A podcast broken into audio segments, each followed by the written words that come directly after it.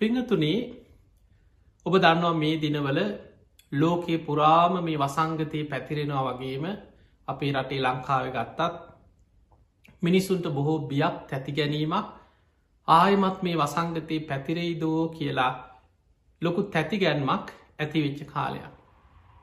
ඔබ දන්නවා මේ වසංගතය ආරම්භ වෙනකොට අපි නිතර රතන සූට්‍ර ගැන කතා කරා. පිරිත් දේශනාවන්ගේ ආශීර්වාද ගැන කතා කරා. හැම තැනම මිනිස් එකතු වෙලා පිරිත් කියන්න පටන්ගත්ත. හැබැයි දැන් වෙනකොට ඒ පිරිත් අමතක වෙලා. ඒ පිරිත් පින්කන් ටික දවසකින් නතර වුණා. පිංහතුනි අදාපි මේ ධර්ම දේශනාව තුළ තුන් සූත්‍රය ගැන. ඒ වගේම මේ බුද්ධ දේශන අතර සඳහන් වෙන ආශිර්වාද දේශනා ගැන. ඔබේ ජීවිතයට කොහොමද මේ දේශනාවල ප්‍රතිඵලය ප්‍රයෝජනය ඇති කරගන්න. බුදුහාමුදුරන්ගේ දේශනා නිවන් අවබෝධය පිණිස දේශනා කරපු දේශනා වගේම ඒ ධර්මාවබෝධය කරා යන ගමනේ ශ්‍රාවකයන්ගේ ආරක්ෂාව ඒ අයගේ ආශිර්වාදය ඒ අයගේ පහසු විහරණය ඒ හැම දෙයක්ම ඇතුළත් දේශන රැසක් බුදුරජාණන් වහන්සේගේ දේශන අතර සඳහන් වෙනවා. පිංහතුනේ අපේ බුදුරජාණන් වහන්සේගේ යම් කිසි කෙනෙක් ධර්ම ගැටලුවක් විමසුව. බුදුරජාණන් වහන්සේලා ඒ අහන ප්‍රශ්නවලට පිළිතුරු දෙන ක්‍රමවේදයක් තියෙනවා. කෙනෙක් අහන්නේ නිවනට අදාළ ප්‍රශ්නයක් නම් ධර්මාවබෝධයට අදාළ ප්‍රශ්නයක් නම්. ඊළඟට යහන පුද්ගලයාගේ ඉන්ද්‍රිය ධර්ම ඔහුගේ ධර්මාවබෝධ කිරීමේ කුසලතාව සියල්ල බුදුරජාණන් වහන්සේ බුදුවැසින් දකිනම්. ඒ කෙනාට නිවනට අදාළ වෙන විදිහටම එක එල්ලේම බුදුරජාණන් වහන්සේ පිළිතුරු සපයනවා. ඒ ක්‍රමේ ධර්මය සඳහන් කරනවා ඒ කාන්ස ව්‍යාකරණයේ පඤ්ඥා. බුදුරජාණන් වහන්සේකින් යම් ප්‍රශ්න විමසනකොට ඔහු ඇත්තටම ධර්මය අවබෝධ කරගන්න පින තියෙන වුවමනාව තියෙන වීරියවන්ත කෙනෙක්ද. ඕට ධර්මාවබෝධයට හැකියාව තියෙනවා ඒ සියල්ල බුදු වැසිම් බලලා. ඔහුට එකෙල්ලේම බුදුරජාණන් වහන්සේ පිළිතුරු දෙමින් ධර්ම දේශනා කරන ඒ කාස ව්‍යාකරණය පඥ්ඥා. සමහරයි බුදුරජාණන් වහන්සේගෙන් ප්‍රශ්නහනවා. හැබැයි බුදුරජාණන් වහන්සේ බුදුවැසින් දකිනවා ඒ ප්‍රශ්නය කොටසෙන් කොටස අරගෙන බෙද බෙදා විස්තර කිරීම තුළ ඔහුට ධර්මය අවබෝධ කරගන්න හේතුවක් වෙනවා. ඔහුගේ පුුණ්‍ය සම්පත්තිය ඔහුගේ ඉන්ද්‍රිය ධර්ම සසර පුරා කරලා තියෙන පින් මේ සියල් හඳුනගත්ත බුදුරජාණන් වහන්සේ අහන ප්‍රශ්නයට කොටසෙන් කොටස විස්තර කරමින් ඒක බෙදාදක්වමින් ධර්ම දේශනා කරන. ඒ දේශනාව කෙලවර ඔහු ධර්මය අවබෝධ කරනවා. ඒ ක්‍රමයට ධර්මය සඳහන් වෙන විභජ්‍ය ව්‍යාකරණය පඤ්ඥා. බෙද බෙදා කොටසෙන් කොටස විස්තර කරමින් බුදුරජාණන් වහන්සේ දහම් දෙසනවා. ඊළඟට සමහරයි බුදුරජාණන් වහන්සේගෙන් ප්‍රශ්නහනවා. එතරදි බුදුරජාණන් වහන්සේ දකිනවා ඔහු ළඟ උත්තරය තියෙනවා. එතකොට ඔහුගේ උත්තරේ මතුවෙන විදිහට ඔහුගෙන්ම පෙරලා ප්‍රශ්න කරන ක්‍රමයක් තියෙනවා. ඒකට කෙන පටිපුච්ච ව්‍යාකරණය පඤ්ඥා කියලා. යමෙක් ප්‍රශ්නයක් අහද්දි බුදුරජාණන් වහන්සේ ඔහුගේ පින ධර්මාවබෝධ කිරීමේ කුසලතාව ඉන්ද්‍රිය ධර්ම මේ සියල්ල ඉන්ද්‍රිය පරෝ පරියත්තේ ඥානයෙන් දැකලා බුදුරජාණන් වහන්සේ පෙරලා ඔහුගෙන් ප්‍රශ්නහන. ඔහු දෙන පිළිතුරු තුළින් ඔහුටම ප්‍රශ්නය නිරාකරණය වෙලා අවබෝධය කරා ඔහු ඔහුගේ හිත සකස්වෙනවා. පටිපුච්ච ව්‍යාකරණය පඤ්ඥා. තැන් බලන්න ඔබ දන්නවා ගොඩහක් ඒ වගේ සිදුවීම් තියෙන දේශනාවල ඔබහල ඇති පහරාධ සූත්‍රය. මේ පහරාධ කියෙන අසුරයෙන්ද්‍රය බුදුරජාණන් වහන්සේ ළඟට ඇවිල් හනෝ සාමීනී භාක්‍යතුන් වහන්ස ඔබහන්සකි ශ්‍රාවකයන් වන මේ භික්‍ෂු භික්‍ෂුණී උපාසක උපාසිකාවත්. බුද්ධ ශාසනයට මේ තරං ආස කරන්නේයයි. මේ බුද්ධ ශාසනයට මේ තරං ඇලුම් කරන්නේයයි. දැන් ප්‍රශ්නය අහන්නේ බුදු හාමුදුරන්ගේ පහරාධ කිය අසුරේන්ද්‍රය. බුදුරජාණන් වහන්සේ ඒ ප්‍රශ්නයට කෙලින්ම පිළිතුරු නොදී ඔහුගෙන් පෙරලා ප්‍රශ්නහනෝ. හරි පහරාද ඒකට උත්තර දෙන්න කලින් ඔබ මේකට උත්තර දෙන්න. අසුරයන් වන ඔබ මහා සාගරයට සිත් තලවාගෙන වාසය කරන්නේයයි. ඔබත් අසුර පිරිසක් මහා මුහුදට මහා සාගරයට සිත් තලවාගෙන වාසය කරන්න ඇයි කියලා ඔබ ඒකට උත්තර දෙන්න කිය. දැම් බුදුරජාණන් වහන්සගේ ප්‍රශ්නයක් එව උන්හසේ පෙරලා හෝගේ ප්‍රශ්නයක් කහ. ඔහු ඒක විස්තර කරමින් බුදුරජාණන් වහන්සේට කාරණ අටක් මුල් කරගෙන අසුරයන් මහා සාගරයට ආස කරන හැටි ඔහු විස්තර කරන දැම් මේ කියන් පහරාද. ඒක අවසන් වෙනකොට බුදුරජාණන් වහන්සේ කරුණු අටට මානුව බුදු හාදුරගේ ශ්‍රාවකයන් වන භික්‍ෂු භික්‍ෂුණී උපාසක උපාසිකාවනු. මේ බුද්ධ ශාසනයට ආස කරන්න ඇලුම් කරන්න ඔන්න ඔය හේතු නිසාමය කියලා ඊටම ගලපමින් බුද්ධ ශාසනය ගැන දහම් දෙසනම්. හරීම ලස්සන දේශනා. එදකොට ඒ වගේ ධර්ම දේශනා ක්‍රම බුදු හාමුදුරු ළඟ තිබුණා. පටිපුච්ච ව්‍යාකරණය පඥ්ඥා. ඊළඟට සමහර ප්‍රශ්නවලදී කෙනෙක් ප්‍රශ්නයක් අහනවා හැබැයි ඒ ප්‍රශ්නය ඔහුට අවබෝධය පිණිස හේතුවෙන එකක් නෙමේ. ඒ ප්‍රශ්නය ඔහුට නිවනට හේතුවෙන එකක් නෙමේ.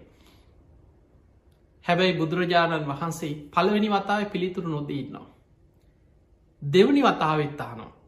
එතකොටත් පිළිතුරු නොදීන්නවා. තුංගනි වතාවෙත් අහනකොට බුදුරජාණන් වහන්සේ පිළිතුරු දෙන අවස්ථා තියෙනවා. ඒ තව ක්‍රමයක්. ඒවගේ වෙලාවල් දැන් ආනන්ද හාමුදුරු දන්නවා මේ බුදුරජාණන් වහන්සේලාගේ ළඟින්ම හිට ආනන්ද හාදුරන වැඩිම කාලය බුදු හාන්දුරන්ගේ ප්‍රශ්නයක් අහන හැටි උන්හන්සේ පිළිතුරු දෙන හැටි. ඒ නිසා ආනන්ද හාමුදුරුව සමහර වෙලාවට පිළිතුරක් ගත යුතු ප්‍රශ්නයක් නම් නැවත නැවත විමසනවා. එදකට බුදුරජාණන් වහන්සේ වදාලා ආනන්දය ඔබ නැවත නැවතත් එකම ප්‍රශ්නි තතාගතයන් වහන්සගේ විමසනවා. එහෙම නං ආනන්ද මතකතියාගන්න ධාරණය කරගන්න. භාසිස්සාමිති ඔන්න තතාගතයන් වහන්සේ දේශනා කරනවා කියල ඔන්න විස්තර කරමින් ඒක දේශනා කරනවා. එතකොට තව ක්‍රමයක් තියෙනවා ටපනීය පඤ්ඥා කියල සඳහන්වේ. පිළිතුරු නොදීම ඉන්න. එනිසා මතක තියාගන්න බුදුහාන්දුරගෙන් අහපු හැම ප්‍රශ්නකට බුදුරජාණන් වහස උත්තර දුන්නේ. ඒ උත්තර නැති නිසා නෙමේ ඒ ප්‍රශ්නය වැඩක් නෑ. ඔහුට වැඩකුත් නෑ අහන කෙනාට වැඩකුත් නෑ එකට දෙන උත්තරෙන් වැඩකුත් නෑ දැ සමහර ඉන්නවා ප්‍රශ්න කරනවා මහාලොකු ප්‍රශ්න වගේ තියෙනවා. හැබැයි ඒ ප්‍රශ්න ඔහුට ප්‍රයෝජනයකුත් නෑ. අහගෙනින් අයට ප්‍රයෝජනයකුත් නෑ. ඒකට පිළිතුරු දීමෙන් ලැබෙන අර්ථයකුත් නෑ. ඒ අවබෝධයට හේතුවෙන්නේ නෑ නිවනට හේතුවෙන්නෙත් නෑ. ඒක පැටලි පැටලි අට දැන් සාමාන්‍ය සමාජයව දන්නවා මිනිස්සු අතර බුදු හාන්දුරයි කාලෙත්ව වගේ ප්‍රශ්න තිබිලතිය මේ ලෝකයට කෙලවරක් තියෙනවද. කෙලවරක් නැද්ද. ආත්මයත් ශරීරයක් දෙකක්ද. ආත්මයක් ශරීරයක් එකක්ද. රහතන් වහන්සේ මරණින් මත්තේ ඉන්නවද. රහතන් වහන්සේ මරණින් මත්තේ නැද්ද. ඇත්තෙත් නැද්ද. නැත්තෙත් නැද්ද. ඔය විදිහ ප්‍රශ්න. එතකොට මේ වගේ ප්‍රශ්න අහන්නෙම මේ අවබෝධයට හේතුවෙන වන්නේ මේ ඒ කාලෙ සමහරය ගඟ තිල දෙෙන තරක ප්‍රශ්න. ඒ වගේ ප්‍රශ්න අහන්නේ තරක විතරකයට. ඒවට පිළිතුරු උත්තර හොයන්න ගියෝ තව එකක් පැටල්ල සාමානයෝ බහල ඇතුව සමාජනි ගහන්නේ කිකිරිද බිත්තරේද. කවරු හරිකෙන ඉස්සරලාම හටගත්තේ කිකිලි කියන එතකොට කෙනෙ කහනොහෙන ඒ කිලි හටගත්තේ? ආයහනම් බිත්තරයකින්නේ එනම් බිත්තරේ. එනම් ඒ බිත්තරේ දැම්ම කවුද? කවුරු හරි කිකිලිය. ඔය වගේ සමහර ප්‍රශ්න තියෙනවා ගහද ගෙඩියද ඉස්සරලා හටගත්තේ. වහලතින ඔය වගේ ප්‍රශ්න සමාජය ඔය පුංචි කාලි සමහරු ඉගෙන ගන්න කාලි මිනිස්සු අතර තියෙන ප්‍රශ්න. එතකොට ඔය වගේ අනවශ්‍ය අවබෝධයට හේතු නොවෙන ප්‍රශ්නවලදි බුදුරජාණන් වහන්සේ පිළිතුරු නොදී හිටිය ඒවටකෙන ටපනිය පඥා. හැබැයි බුදු හාදුර දේශනා කරන ඇයි මහණනි තතාගතයන් වහන්සේවට පිළිතුරු නොදෙන්. ඒක ඔහුට යහපත පිණිස උපකාරවෙන්නෙත් නෑ අන්න අයට යහපත පිණිස උපකාරවෙන්නෙත් නෑ නිවනට උපකාරවෙන්නෙත් නෑ ධර්මාවබෝධයට උපකාරවෙන්නෙත් නෑ කෙලෙස් සංසිඳීමට උපකාරවෙන්නෙත් නෑ. ඊළඟට බුදුරජාණන් වහන්සේ මේ ධර්මය තුර තිනොන් නවාංග ශාස්තෘූ ශාසනයකෙල්.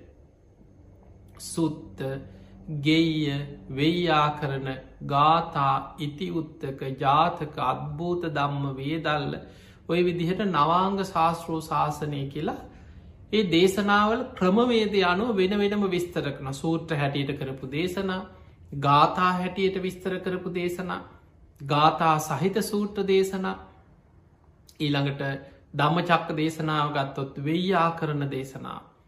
ඉමස්මිංච පණ වෙයා කරනස්මින් බංජමානය. වෙයා කරන දේශනාව. එතකොට ඔය වගේ ඒ ඒ දේශනවල රටාවනුව නවාංග ශාස්ත්‍රෝ ශාසනය හැටියට විස්තර කරන තැන්තිය. එතකොට මෙන්න මේ දේශන අතර අපි දන්න අපේ බුදුරජාණන් වහන්සේ බුදුවෙලා වැඩ සිටිය කාලේ. උන්වහන්සේ යම් රාත්‍රියක බෝධිමූලේ සියලු කෙලෙසුන් ප්‍රහාණය කළ සම්මා සම්බුද්ධත්වයට පත් වනාද. ඒ මොහොතෙම උන්වහන්සේගේ බුදුමුවින් පිට වුණා ප්‍රීතිවාක්‍ය. මේ සංසාරය නැමතිගේ හදන වඩුවමං හොයාගත්තා. ආයමත් නුඹට මේ සංසාරය නැමතිගේ හදන්න මං ඉඩ දෙන්න. නුබේ කැනි මඩල මං සුණු විසුණු කරලා දැම්ම. ඔන්න ඔය ප්‍රීතිවාක්‍යයි නම්ම බුදුරජාණන් වහන්සේ අවුරුදු හතලිස් පහක් පුරාවටම දේශනා කරපු බුදුමුවෙන් පිටවෙච්චේ බුද්ධ වචන. අසූ හාර දහසක ධර්මස් කන්දේ බවට පත්වෙන උන්වහන්සේගේ අවසාන බුද්ධ වචනය තමයි. හන්දදාන භික්කවේ ආමන්තයා මහණනි අවසාන වසයෙන් නුබල අමතන. වයි දම්මා සංකාරා මේ ලෝකෙ සියලු සංස්කාර අනිත්‍යයි. අපපමාදේන සම්පාදයත. අප්‍රමාදීව කුසල් වඩන්න කියලා උන්වහන්සේ පිරිනිවන් පාන්න පෙර දේශනා කරපු අවසාන බුද්ධ වචනය දක්වාම බුදුහාදුරන්ගේ දේශනා අසූ හාරදහසක ධර්මස්කන්දයක් හැටියට සංගායනා වෙලා තියෙනවා. ඒ ධර්මස්කන්දය සංගායනා වෙද්දි ආනන්ද හාමුදුර ඔබ දන්නවා බුදුරජාණන් වහන්සේගේ අග්‍ර උපස්ථායක ධර්ම බාණ්ඩාගාරිකයන් වහන්සේ. ආනන්ද හාන්දුරු තමයි පළවෙනි ධර්ම සංගායනාවේ. බුදු හාන්දුරන්ගේ ධර්මය කටපාඩමින් දරාගෙන ඉදිරිපත් කරපු කෙනා. මූලිකත්ති ගත්තේ මහාකාශිප මහරහතන් වහන්සේ නමු තානන්ද හාන්දුරු තමයි සංගායනාවේ බුද්ධ දේශනාමී සියල්ල මතකින් පෙර සසරි පෙරුම් පුරාගෙනාව මේ සියල්ල ධාරණය කරගන්න අනාගත ලෝකයට පරපුරට එක පාරක් ඇහුවට අගේ සැනින් මතක හිටිනවා සියල් බලන්නේ මතක ශක්තිය ආනන්ද හාමුදුරුවගේ තේර ගාථාව සඳහන් වෙනවා. තේර තේරී ගාථා කියල තියෙනවා. තේරගාථා කියලකැන මහරහතන් වහන්සේලාගේ උදානවාක්‍ය උන්වහන්සේලා පිරිනිවන් පාණ්ඩ පෙර උන්වහන්සේලාගේ ජීවිත කතා විදපු දුක් ගැහැට වීරිය වඩපු හැටි රහත්වෙච්ච හැටි පිරිනිවන් පානකොට ගාථා කීපයක ලස්සන උදානයක් හැටියට ප්‍රකාශ කරලා පිරිනිවන් පානවා. තේරී ගාථා කියල කියන්නේ රහත් භික්‍ෂුණීන් වහන්සේලා. ඒ අයගේ ජීවිත කතාව ගාථාවසේ දේශනා කරලා ඔන්න මං අද පිරිනිවන් පානවා කියලා පිරිනිවන් පාන. එතකොට රහත් භික්‍ෂුණීන් වහන්සේලාගේ ජීවිත කතා ධර්මාවබෝධයට වඩපු වීරිය ගැන ඇතුළත් කොටස තේරී ගාතා තේර ගාතා කියල රහතන් වහන්සේලා ඔය අතරේ ආනන්ද මහරහතන් වහන්සේගේ තේර ගාතාව ආනන්ද මහරහතන් වහන්සේ සඳහන් කරනවා පිරිනිවන් පාන පෙර මං බුදුරජාණන් වහන්සේගෙන් අහලා ධර්මස්කන්ද අසූ දෙදාහක් මතක තියාගත්ත. ශ්‍රාවක දේශනා හැටියට දෙදහසක ධර්මස්කන්දයක් මන් ධහරණය කරගත්තා. මම දරාගෙන ඉන්න සම්පූර්ණ ධර්මස්කන්දය අසූහාර දහසක් කියලා. එහිනම් ආනන්ද හාමුදුරු ආනන්ද මහරහතන් වහන්සේ බුදුහාමුදුරුවන්ගෙන් අහලා අසූ දෙදහසක ධර්මස්කන්දෙකුත් මහරහතන් වහන්සේලාගෙන් අහලා ධාරණය කරගත දේශනා හැටියට දෙදහසකුත් හැටියට අසූ හාරදහසක ධර්මස්කන්දයක් දරාගෙන හිටිය.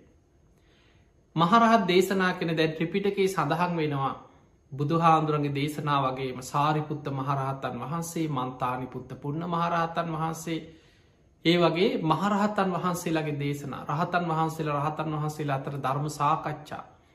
සමහර අවස්ථාවල බුදුහාමුදුරුවම දහම් දෙසලා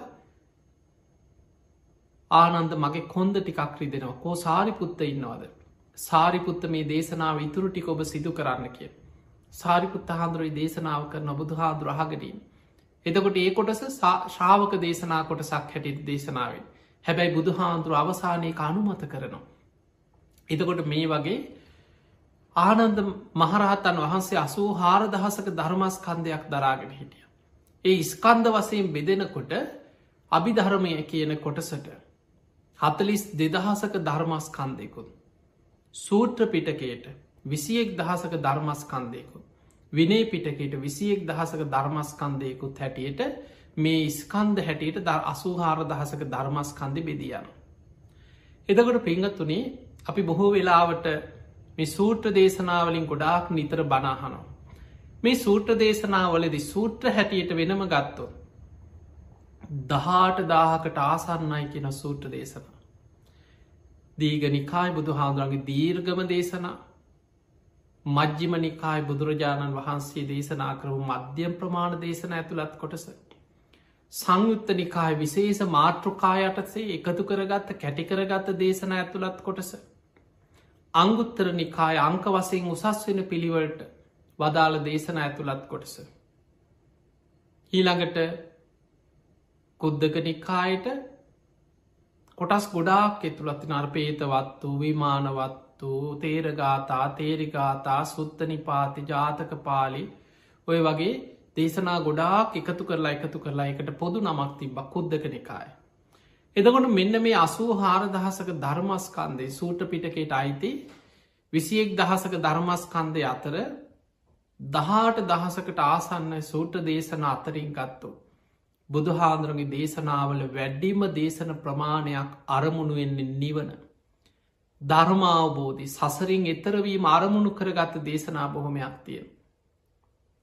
ඒ අතර දේශනා කීපයක් තියෙනවා බුදු හාන්දුරෝ ඒ ධර්මාවබෝධය කරායන ශ්‍රාවකයාගේ ලෞකික දියුණුව ගැන. එදිනෙදා ජීවිතවල ගිහි ශ්‍රාවකයන්ට ඇතිවෙච්ච ප්‍රශ්නවලදි කටයුතු කළ යුතු ආකාරිකන දැන් සිංහලෝවාද සූත්‍රය ගැන යුතුකම් වගකීම් ගැන.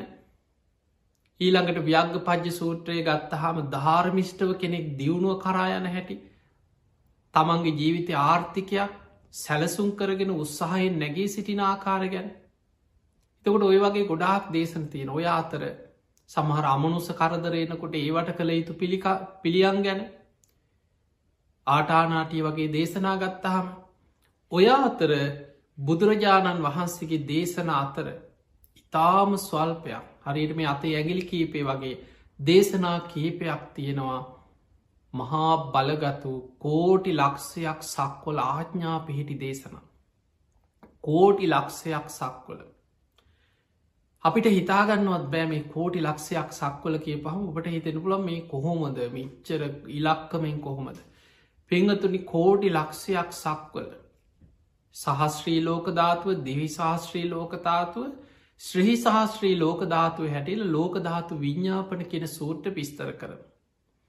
අන්නේ ත්‍රහි සහස්සී ලෝක ධාතුවටම තමයි කෝටි ලක්ෂයක් සක්වල කියලා කිය. එතකොට මේ විශ්වයේ ඒ අනන්ත සක්වල කෝටි ලක්ෂයක් සක්වල දක්වා විහිදීගිය බුද්ධ ආඥාවක් තියෙන.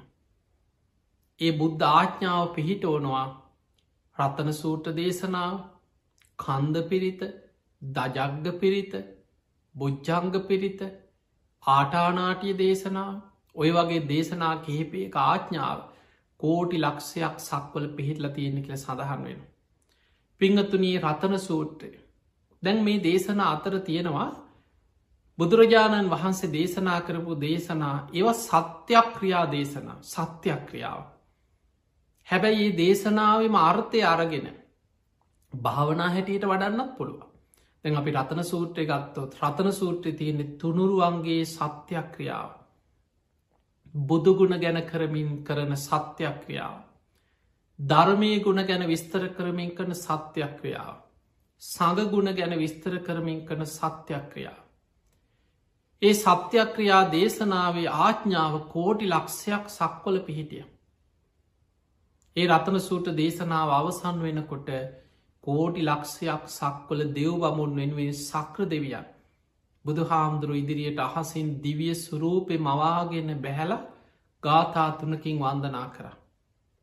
වන්දනා කළ කියනවා මේ දෙව්මිනිස් ලෝකයාගේ.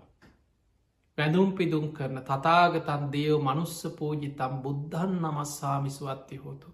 ඒ බුදුරජාණන් වහන්සේට අපි නමස්කාර කරන ඔබහන්සේගේ ආඥාව අපි පිළිගන්න. දම්මන් නමස්සාමිස්වත්ති හෝතු සංගන් නමස්සාමිස්වත්ති හෝතු.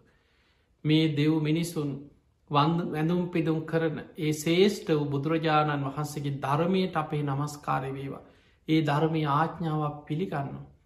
ඒ ශ්‍රාවක සංඝයාට අපගේ නමස්කාරවීව ආඥාව අපි පිළිගන්නවා කියලා. මනුස්සලෝකට අහසිම් බැහැල වන්දනා කරලා යාඥාව පිළිගත්ත. එතකොට මේ රත්තන සූත්‍රයේ ගාථාවල අර්ථය අරගෙන විමසල ගත්තොත්.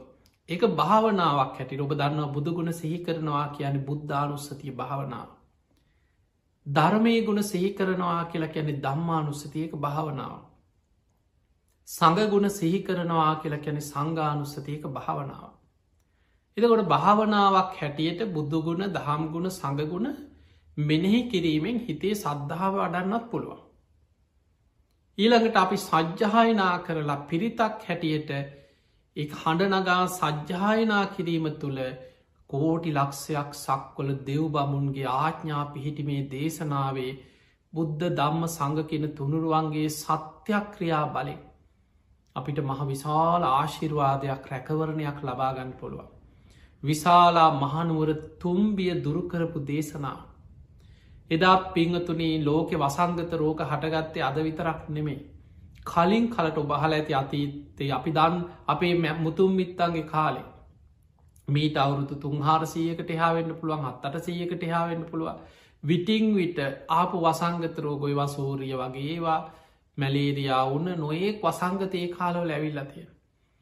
ඒ වසංගත අතර බුදුහාන්දුරන්ගේ කාලේ සමහරවය ජාතක පොතේ සඳහන් වෙනවා ඒ කාලවලත් යම් යම් වසංගත රෝග පැතිරෙනකොට රජවරු ඒ කාල් රටවල් පාලනය කර රජවරු මොකද කරන්නේ?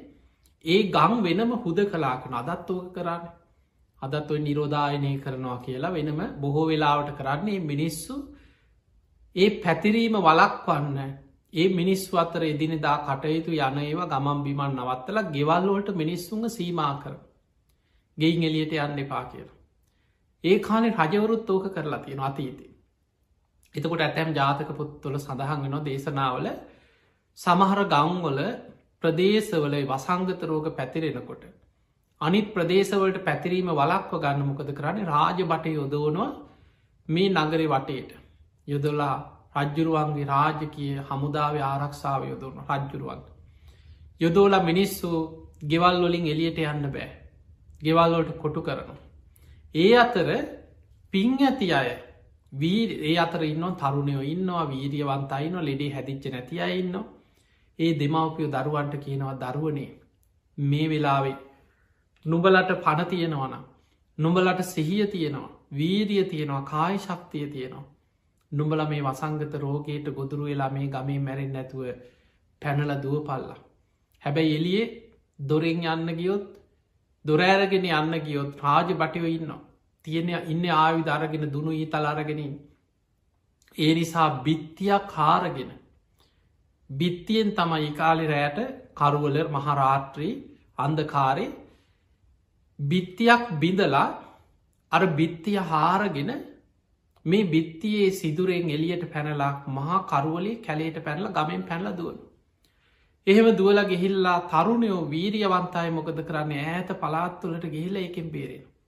අර ගමේ මිනිස්සු බොහෝ දෙනෙකේ වසංගත හැදිලා ඒවැම මිය යනු. එතකොට ඔය වගේ ඒ වසංගතත් එක්ක පැතිරීම වලක් වුණා හැබැයි ඒ පිරිස අතර එක්ක බෙහෙත් තිබිලන්න සික්කො සමහල්ලාට හොඳ වෙනවා බොහෝ පිරිසක් ඒකෙක් මිය යන. ඔය වගේ වසංගත රෝග කලින් කලට ඒ කාලවලත් තිබිල තියෙන. ද විශාලා මහනුවර ප්‍රශ්නය හිත අපේ බුදුහාන්දුරු හට පහළ වෙන්න පෙරණි. අපේ බුදුරජාණන් වහන්සේ පහළ වෙන්න බොහෝ කාලෙකට පෙරයිදම් මේ වසංගතය මේ විශාලා මහනුවර නගරයට ව්‍යාප්ත වෙට පටන්ගත්. අපේ බුදුහාන්දුරු බුද්ධත්වයට පත්වෙලා දෙවනි අවුරුද්දේ ඒකැන බුදුහාන්දුරු බුදුවෙච්ච මුල්ම කාලේ. රජගහනුවර වේල්වනාරාම බිම්බිසා රජතුමා හදල පූජ කරපු පළවෙනි මාරාම අපේ බුදුරජාණන් වහන්සේ දිනවල වැඩ සිටි. එතකොට ඒ වෙනකොට විශාලා මහනුවරට මේ රෝග වේගෙන් ව්‍යාප්ත වෙලාද. නගරේ දවසකට සීය දෙසීය තුන්සීය මිනිස්සු මැරෙනවා. දැම අද බලන්න ඔබ මේ වසංගතය දවසකට දහස් ගනම් මිනිස්සු මේ අනෝ රටවල්ල. ලෝකෙ කෝටි ගානකට මේ වසංගතය මේ වෙනකොට පැතිරීගෙන යන. සමහා රටවල් අන්ත අසරණ භාවයට පත්වෙලා තියෙන. එතකොට ඒ වගේ එදා විශාලා මහනුවර රාජ්‍ය නගරේ වෙන වෙනම රාජ්‍යන තිබ්බේ අංග මගද කසී කෝසල වජ්ජි මල්ල ඔය වගේ ලිච්චවී රාජධානය තමයි විශාලා මහනුවර. ඒ රාජ්‍යයේ වේගෙන් මේ රෝගෙ පැතිරෙනකොට අවසානයේ ඒ අයගේ පාලනින් ගිලිහිලා ගිය. තමන්ගේ හැකියාව වේගෙන් පැතිරෙනකොට සීමාව ඉක්මෝ ලගයාට පස්සේ ඒ රාජ්‍යයකට වනත් එක පාලනය කරන්න පුළුවන් හැකියාව ගිලිහිලා යනවා. ඔවුන් අසරණ වෙන. අවසාන මිනිස්සු තැන් තැන්වල මැරිලා ලෙඩ රෝගවලින් මොකද මේක පැතිරෙනවා මිනිස්සුන්ට හැදුනට පස්සේ කෙනෙක් ලංවෙන්නක් බයයි. ඔබ දැකල ඇති අද මේ වසංගතය පැතිරෙනකොට මේ වසංගතයත් එක් රෝගියෙක් ළඟට සාමාන්‍ය ලෙඩෙක් බලන්න යනවා වගේ යන්නේ නෑ. ඔවුන් යන්නේ මූුණවල් වහගෙන මුළු ඇඟම වහගෙන ඒ ඇගිලිවලට අත්තොලට ඇගිලිවලට ඉදම් වෙනම මේස් දාල ඔළුව වහගෙන සමහලාට ග්‍රහලෝකට බහිනවා වගේ ඇඳගෙන යනකොට අර විසබීජ තමන්ගේ ඇගේවත් කොහෙන්වත් තමන්ගේ ශරීරයට ඇතුල් නොවෙන විදිහට පුතුම විදිහට ආරක්ෂා වෙලා ලෙඩෙක් ළඟට යන්න.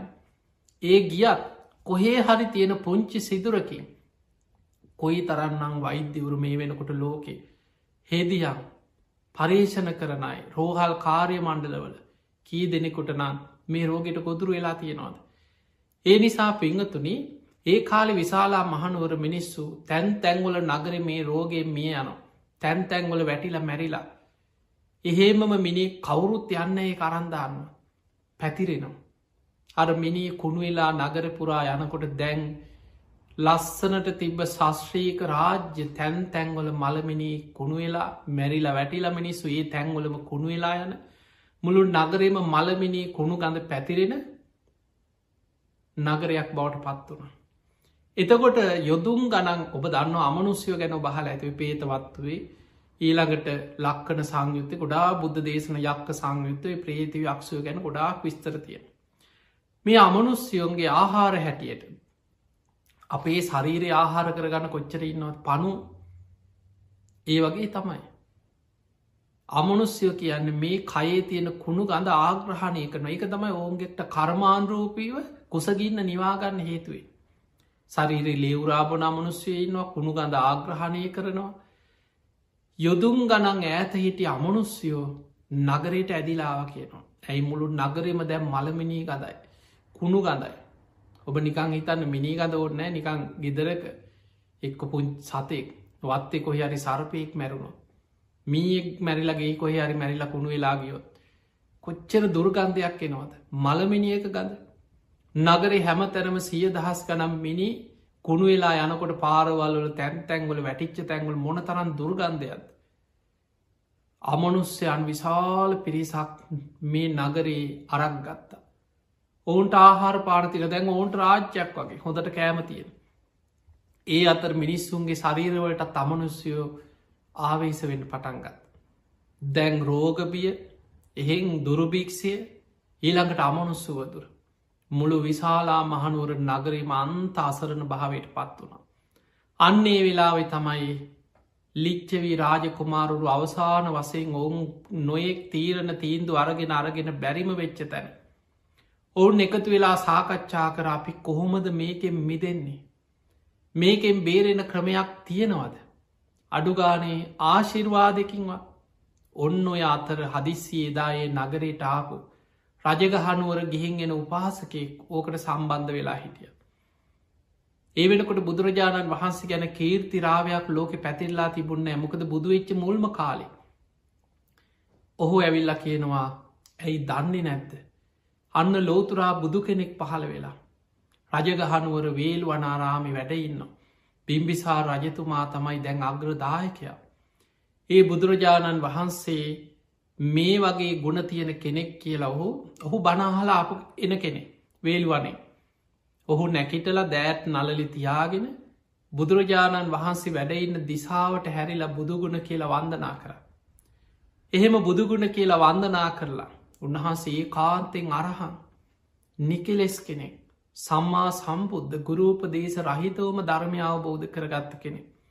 විද්‍යාචන්න සම්පන් උන්වහන්සේ අවබෝධයට ගැලපෙන චරිතවත් ජීවිතයක් සිල්වත් ජීවිතයක් ඇති මේ ලෝක ඉන්න සිල්වන්තම කෙනෙ ප්‍රඥාවෙන් අවබෝධයෙන් ශේෂ්ඨම කෙනෙ සුගත ලෝකෙ සුන්දරම නිවන් මඟ හොයාගෙන නිවනට පත්වෙච්ච කෙනෙ ලෝක විදූ මේ විශ්වය ගැන ලෝකයේ ගැන පරිපූර්ණ අවබෝධයකින් ලෝකයෙන් මිදිච්ච කෙනෙ අනුත්තරෝ පුරිස දම්ම සාරති.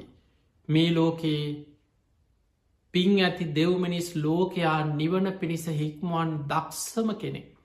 ඉර්දි ප්‍රාතිහාරයෙන් ආදේශනා ප්‍රාතිහාරයෙන් අනුශාසනා ප්‍රාතිහාරය කෙනෙක්ව නිවන පිණිස හික්මුවන්න දක්ෂම කෙනෙක් උන්වහන්සේ.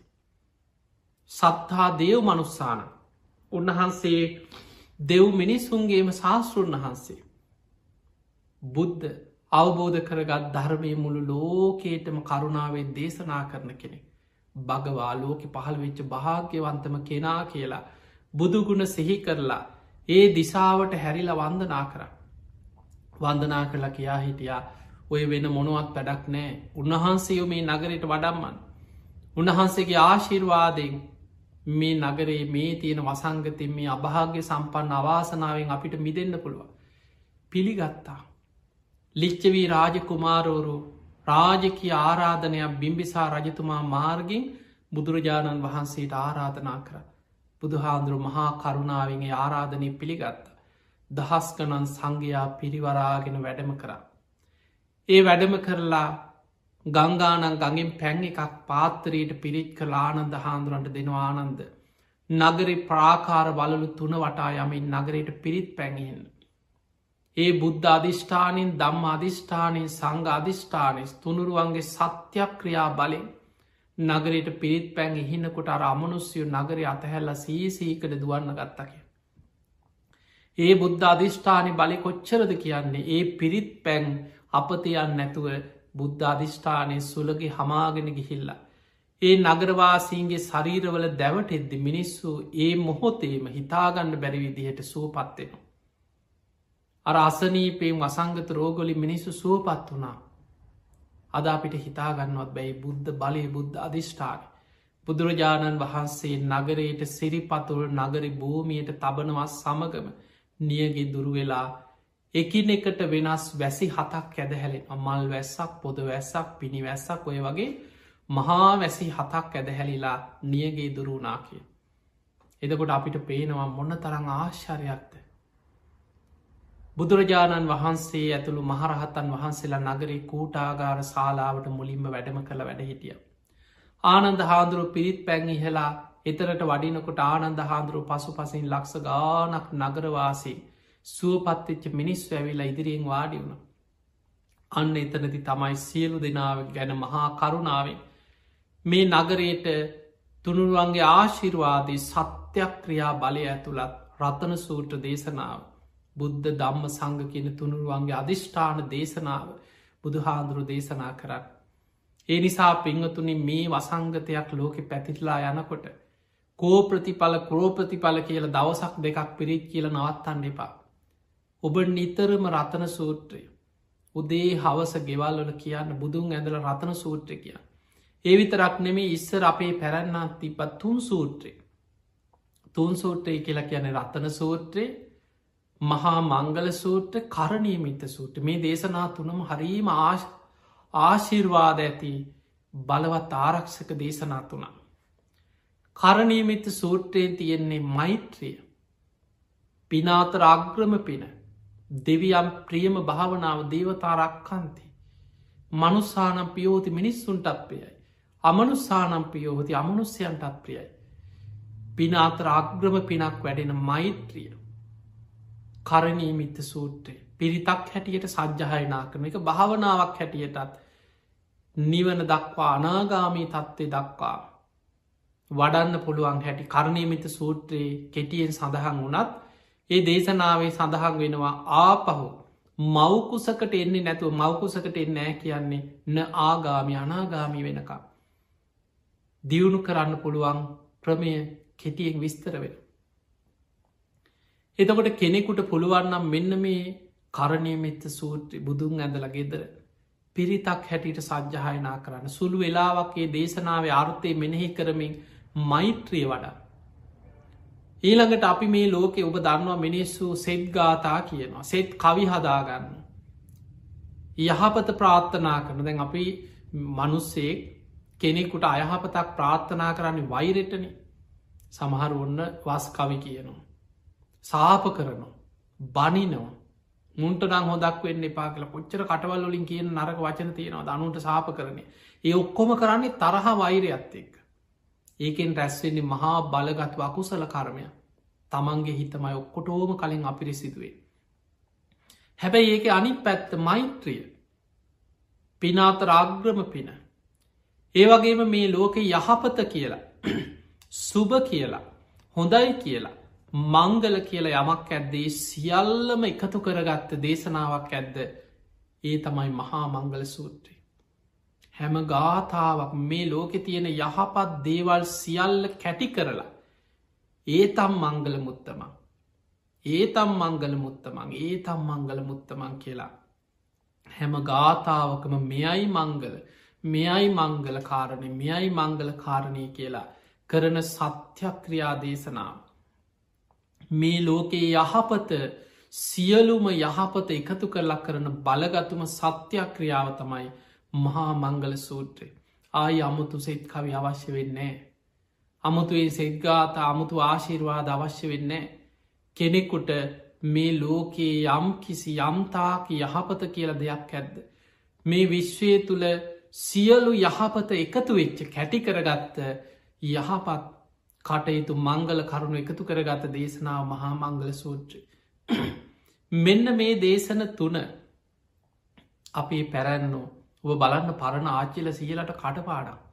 රත්තන සූත්‍රයේ මහා මංගල සූත්‍රයේ කරණීමිත සූට්‍ර බෙ බුදුන් ඇඳල කියනවා. ඉස්සර මිනිස්සු පිරිත් කටපාඩන් කරනට ඉස්සර මිනිස්සු පිරික්කි වද මේ පෝර්නොලට ඇනෑන ඕව තිබුණ නෑන ඉස්සර.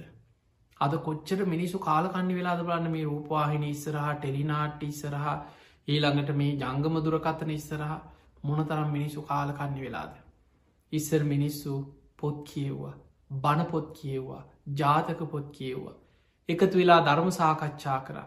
ගෙවල්වල හොඳට බුදුන් ඇඳලා පිරිත් කියලා එකතු වෙලා භාවනා කරා.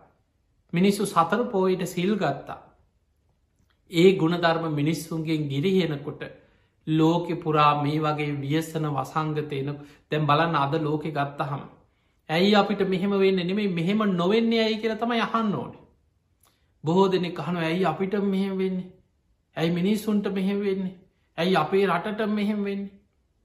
ඔබ බලන්න මිනිස්සුන්ගේ මනස මොච් කොච්චර විකෘතිද. මිනිස්සුන්ගේ හිත්වල තියෙන දවේශය වෛරය කේන්තිය අසාධහරණකම් පලිගැනීම් ඉරිසියා වෛර තියෙන අපරාධ මිනීමැරුන් දූෂණ ලංකා විතරක්නේ මුළු ලෝකෙම දිහා බලන්න ලෝක හැම රටක්ම බලය වෙනුවෙන් තවත් රටවල් යටත් කරගෙන යටපත් කරගෙන මිනිස්සු පාගගෙන ලෝක අද ඉහළම ආදායම් මාර්ග වෙලා තියෙන්නේ මිනිස්සු වනසන විනාස කරන දේවල් අභ්‍යාවිධ වෙළදා යුද්ධ අවුලෝල ආවිධ විකුණ ගන්න වෙළදා. ලෝකයේ මද්‍රවය මත්කුඩු වෙළදා අපේ රටේම නිකං ඔබ හිතන් පහුගිය කාලි කොච්චර නම් මත්කුඩු මද්‍රව යහුනාද ඒවට සම්බන්ධ නිලධාරින් ගැන හිතන් අපි කවදාවත් හිතපු නැති හීනෙකින්වන් නොසිතන. ඒවැම් මිනිස්සුන් ආරක්ෂා කරගන්න කියලා තනතුරුදීලා පත් කරලා පඩිනඩි අරගෙන ජීවත්වෙන නිලධාරීම් අවසානී ඒවා පැකැට් කරපු නිලධාරීන් හැටියට හොයාගත්ත. එතකොට මේ වගේ හැම පැත්තකින්ම පාතාලයේ මත්කුඩු මද්‍රව්‍ය මිනිස්සුන්ගේ ඉරිසියාව දවේශය වෛරය කුහකකං මේ හැම දෙයක්ම මිනිස්සු තුළ වර්ධනය වෙලා යනකොට ස්වභාව ධර්මීම මනුස්්‍යයන්ගේ විනාසේ ලං වෙනවා. දෙවියන්ගේවත් පිහිට රැකවරන්නේ මනුස්්‍යයන්ට ලැබෙන්නේ නැතුව යනු දෙවියන් අහක බලන්න. ඒ අතර පින් ඇති කීප දෙනෙක් ඉන්න පුළුවන් නමුත් බහුත්තරේ ලෝකෙම අර අසූචි වලක යන්තන් පුංචි සතෙත් දෙන්නෙක් වැටිලා හිටිය කිය. ඔවුන්ටත් අර සමහරලාවට ගිලෙන තැනකට වැටුණු ඔබ හිතන් සමහරලාව රත්වෙන බේසමකට හරි රත්වෙන දේකට පුංචි සතෙක් වැටෙනවා. ඔහුට බේරෙන්න්න බැරිවෙන්න පුළුවන්. ඒ වගේ විශාල් විනාසයක් වෙච්ච. දුගද හමන කුණු එච්ච කෙලෙස්වලින් පිරිච්ච දවේශය වෛරය කේන්ති රාගේ සත්තු වගේ මිනිස්සු. මොන තරං අපරාධ දූෂණ විකෘති රාගික දේවල් මිනිස්සු සත්තු වගේ වෙච්ච ලෝකෙක. ඇයි මෙහෙම නොවෙන්න කියල තමයි අපි අහන්න. මනුස්්‍යයන්ගේ විනාසේ ලංවෙනවා. එක්කො යුද්ධවලින් එක්කො රෝගවලින් එක්කො මිනිස්සුන්ගේ මනස විකෘති වෙලා එක්ක වසංගතරෝග මොනුවෙන් හරි විපත් ලංවෙලා මිනිස්සු විනාසේ කරාම යනවා. ඒ නිසා පිංහතුනි අපිට ඔබට ඔබේ ජීවිතය තුළ ගුණධර්ම රැස් කරගෙන. ධර්මය තුළින් ඔබ ආරක්ෂාවෙනවා මිසක් වෙන ක්‍රමයක් නෑ මේ ලෝකෙ. ඒ නිසා නිති පන්සීල් රකින්න උත්සාහ කරන්න.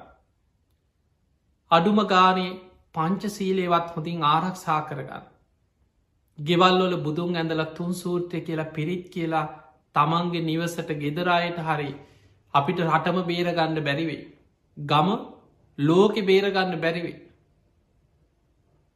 හැබැයි ඔබට ඔබේ ආරක්ෂාව හදාගන්න පුළුවන්. දැන් අපිට කොච්චර බණකිවත් ලෝකයක් සිල්වත් කරන්න පුළුව බුදු හාදුරන්ට පුළුවන් වුණනාද කියලා හිතා. කොච්චර මිනිස්සු ඒ කාලි බුදු හාදුරන්ටත් බැනපු. බුදුරජාණන් වහන්සේට විරුද්ධව මොන තරන් සැලසුම් කරපු කොච්චර මිනිස්සු බුදු හාන්දුරයි කාලෙතිට උන්වහන්සේ මරන්න ඉදා සැලසුම් කර දුනු සිල්පීන් ෙදෙව්වා ගල් පෙරලුවා නින්දා පහස කරා කාටවත් හිතකින්වත් බුදුහාන්දුරුවන්ගේ අරහන් ගුණේ බුදුරජාණන් වහන්සේ රහසිංවත් පවු නොකළ සේක. මෛත්‍රිය පාරමී උපපාරමී පරමත්ත පාරමී හැටියට වඩපු කෙනෙ. එවැනි මහා පින්වන්ත බුදුවරුන්ටත් මේ ලෝකේ මිනිස් වේ වගේ තමයි සැලප මේක තමයි ලෝක ස්භාව. ඒ නිසා ඔබේ පිළිසරණ ඔබ හදාගන්න අත්තදී පාත්ත සරණ අනං්‍ය සරණ. තමා තමාව දූපතක් කරගන්න. තමාගේ පිහිට පිළිසරණ තමාම හදාගන්න. දම්ම දීපාත් දම්ම සරණ අනං්‍ය සරණ. ධර්මය දූපතක් කරගන්න ධර්මයෙන් ආරක්ෂාව හදාගන්න.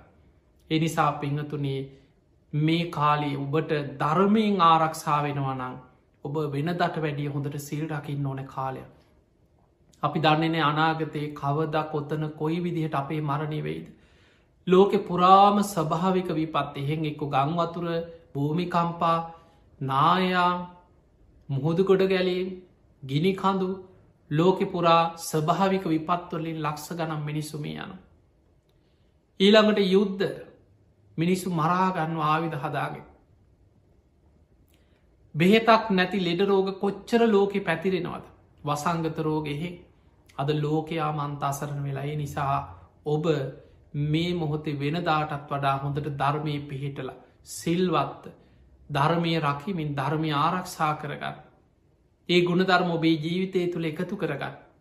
ඔබ අප්‍රමාදීවෙන් ඒ නිසා පින්වත්තුනි අප්‍රමාදීව ගුණධර්ම රකිමින් මේ බුද්ධ දම්ම සංග කියන තුනුරුවන්ගේ ආඥාව කෝටි ලක්ෂයක් සක්වල පිහිටි බලවත්ම ආ ආඥා ඇති දේශනයි දේශනාව ආශිර්වාද ලබන්න නං ඔබ ඊට ගැලපෙන සිල්වත් ජීවිතයක් ඇති කෙනෙක් බවට පත්තේ. ඒම නං ඔබ හැම දෙනාටමත්. අපි ආශිර්වාද කරමු රටටත් ලෝකයාටමත් හැම දෙනාටමත්. මේ වසංගත රෝගබිය ඉක්මනින්ම ලෝකයෙන් දුරු ඒවා. මේ සඳහා වෙහෙසෙමින් අවශ්‍යදයක් බෙහෙතක් හොයාගන්න වෙහෙසනේ විද්‍යාඥයන්ට පරීක්ෂකයන්ට. ඉක්මනින්ම ඒ සුදුසු අවෂ්‍ය දෙයක් හොයාගන්න ශක්තිය ලැබේවා. දෙවියන්ගේ පිහිට රැකවරන්නේ මේ ලෝකයාට සැලසේවා. මනුස්ස වර්ගයා ගැන මෛත්‍රී සිත් ඇතිවේවා දැම් බලන් රතන සූර්තති නම් මෙත්තං කරෝත මානුස්‍යයා පජාය. දෙවියන්ගෙන් ඉල්ලන්න. ආකාසි අන්තරීක්ෂි රැස්වෙලා ඉන්න. දෙවියන්ට බුදුහාන්දුරු පළවෙනි ගාථාවෙන් දෙවනි ගාථාවෙන් කියනවා. මේ මනුස්ස වර්ගයාගෙන මෛත්‍රී සිත් ඇතිකරගෙන මිනිස්සුන් රකින්න ආරක්ෂා කරන්න.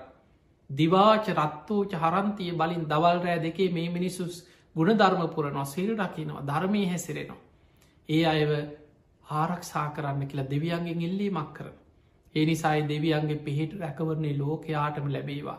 ඔබ හැම දෙනාටමත් මේ ධර්මය දියුණු කරගෙන බුද්ධ ශාසනයක් ලැබිච්ච වෙලාවේ උතුම් ධර්මය මවබෝධ කරගන්න වාසනාව ලැබේවා ලැබේවා ලැබේවා කියලපි ආශිර්වාද කරනවා.